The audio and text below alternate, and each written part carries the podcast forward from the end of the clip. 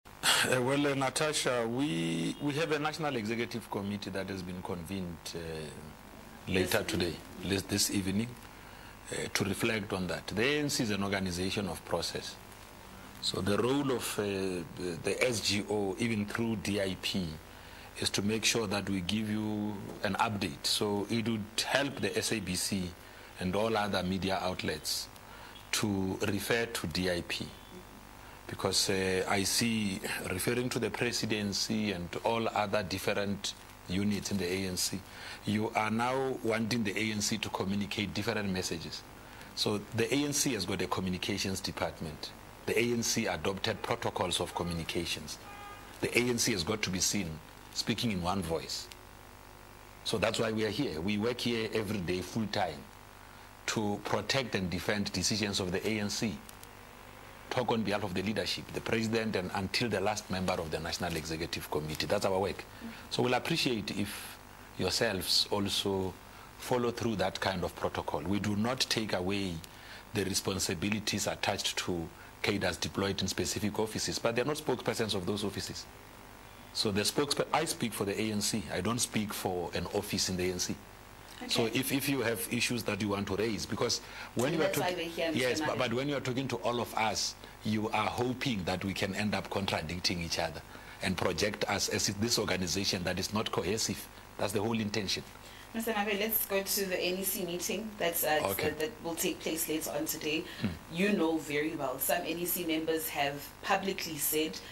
that the president should step aside of this issue. There are others that are actually, um, you know, defending him.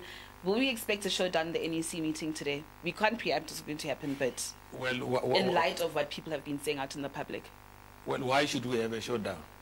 Why should we? We have had uh, uh, very difficult, heavy-handed meetings of the National Executive Committee. They were never reduced to showdown. Cadres of the movement will use the NEC to reflect on the report and express their own views. The officials which the president is a part of, will also be able to brief the National Executive Committee on their own discussions and then table before us uh, whatever they may want us to consider. Which leads me to my following question. Yesterday, the officials of the ANC met, all four men met over this issue. We were reliably told that um, although it was a brief meeting, they didn't touch the, like the substance of of the reports. We are told that they're going to meet again, then further brief the ANC. Can you per perhaps tell us the outcomes of um, that meeting with those officials? Because remember, you would remember on Monday, Paul Mashatile did confirm to the SABC, specifically our political editor, to say that this meeting would happen yesterday. Well, because I'm not part of the national officials, I wouldn't know what they have discussed I wouldn't want to preempt what they will table before the NEC. What is the use, Natasha, of us sitting National Executive Committee meetings when all of us will be knowing what is expected to be discussed? We are, in, we are an organization of process. Let's respect that. You see, there is a temptation by some in the media and in the public to think that they can shout out in the street to try and uh, dictate what must be the position and view of the ANC.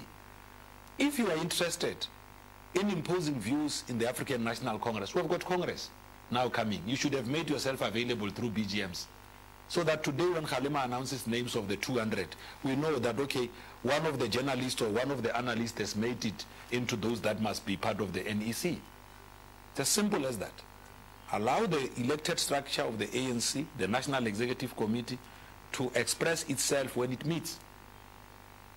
So we don't meet, so basically if we were sitting to just go and agree in our meeting of the National Executive Committee, there would not be a need for us to meet. We're a dynamic body. You know, CADAS hold strong views on this or that issue, including on the very issue that uh, is most likely to be tabled. You know, CADAS would uh, raise their different strong views about the issue. You know, some of yourselves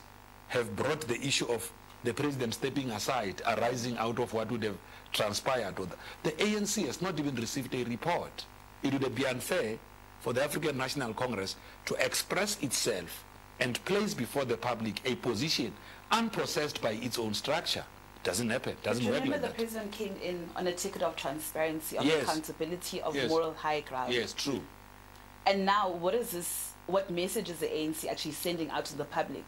And the perception of the ANC right now. You have a president who, you've got this dark cloud of palapala that's hanging over the president. You've got this scathing report, as some have, have labeled it.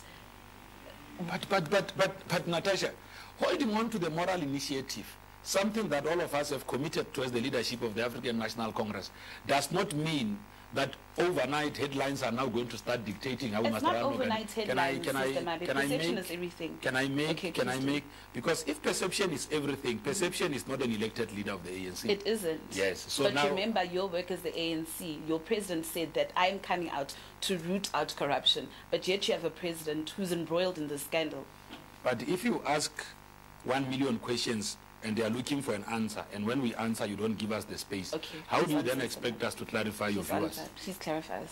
Okay. We did not forego the moral initiative. Mm -hmm. None of the ANC leaders have done so. We are meeting as members of the National Executive Committee to receive a report. After receiving a report and having deliberated, we will rise in that NEC with a position. It will be that position which we deposit out in the public. And that position will be reflective of the stand the ANC has taken on this matter. By the way, one of the things that you need to appreciate is that the ANC is alive to the fact that the Pala Pala saga has had a negative effect on its public standing, mm -hmm. on its reputation, mm -hmm. on its credibility, on how much it is able to be accepted by the public. Mm -hmm. The ANC is on record as saying that. We, never, we, we, we, never, we, we did not hide ourselves from saying that. So anything that affects the credibility of the ANC, whether that matter involves the president of the ANC or the last member or Pulemabi or any other person in the National Executive Committee, we, we express ourselves on those.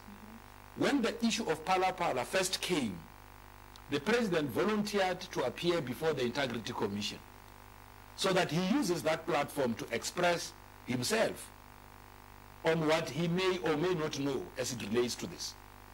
As we have said before, the National Executive Committee has not as yet received a report detailing that engagement between the Integrity Commission and the President. So it would be unfair to enter that space not having fully received even a report from an organizational process. Now there is a process that Parliament had set up. Mm -hmm. That process produced the Section 89 report yesterday, which we are now aware of. The report has been made public and all of that. It's not the dictate of the ANC on how Parliament should function. function Parliament dictates and determines its own processes. It has done that work. The ANC will meet today to reflect on the outcomes of that report and the related recommendations. And after those reflections, the ANC would then say, this is the position or stand that the organization is taking on this I know report. you can't preempt what's going to happen next week Tuesday, but this matter is going to be voted on. Will members of the ANC toe the line and defend ANC President Cyril Ramaphosa?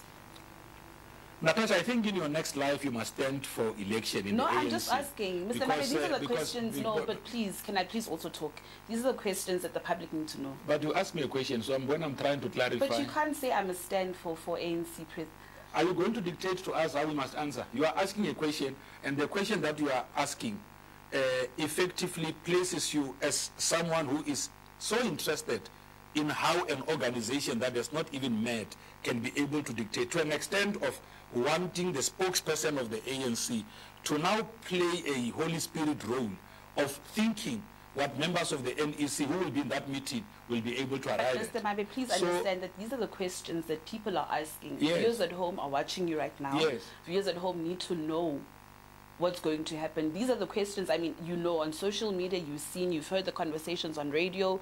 People are asking these questions. It's not for me. But, I mean, just drawing from the public sentiment outside. Okay, that's fine. Let's now educate you and the public. Spokespersons of the ANC do not carry the duty to dictate or preempt what meetings of the ANC will be all about. That is not what we are appointed to do. We are appointed to communicate processes of organization, which is what we are doing. The information we are giving you is out in the public. We will have a special NEC today to reflect on the report that is out there, to demonstrate to you and the public that is interested on social media and everywhere else that we take these matters seriously. We were supposed to meet on the 9th. Upon, this, uh, upon the release of the report, officials deemed it necessary that we should meet as a matter of urgency, seeing that this report is also expected to be debated by Parliament in the next week, so that we can develop a view of the ANC around this. These are the points that I'm making. You know, I, I, it, it might have sounded a bit distasteful earlier on, you know, but I was trying to make this kind of drive this kind of a line. And if it appeared like that, uh, it's a bit unfortunate. But the message I was trying to drive is that we will meet, we will deliberate, we will take a position of the ANC, the SGO through our Treasurer General would then be able to communicate what is the position of the ANC. What we don't do, Natasha, Mr. Nabi, is that unfortunately we, we don't, we, we, we don't develop our own positions I, as we speak to the media. Like talk to you and then suddenly in the middle of an interview, uh, develop my own decisions. I can't do that. Mr. It Nabe, will be ill-disciplined. Unfortunately, we've run out of time. Of course, we will catch up with you later on. There's also a briefing at 2 o'clock. Yes. And, of course, that much anticipated uh, NEC meeting that will be taking place this evening.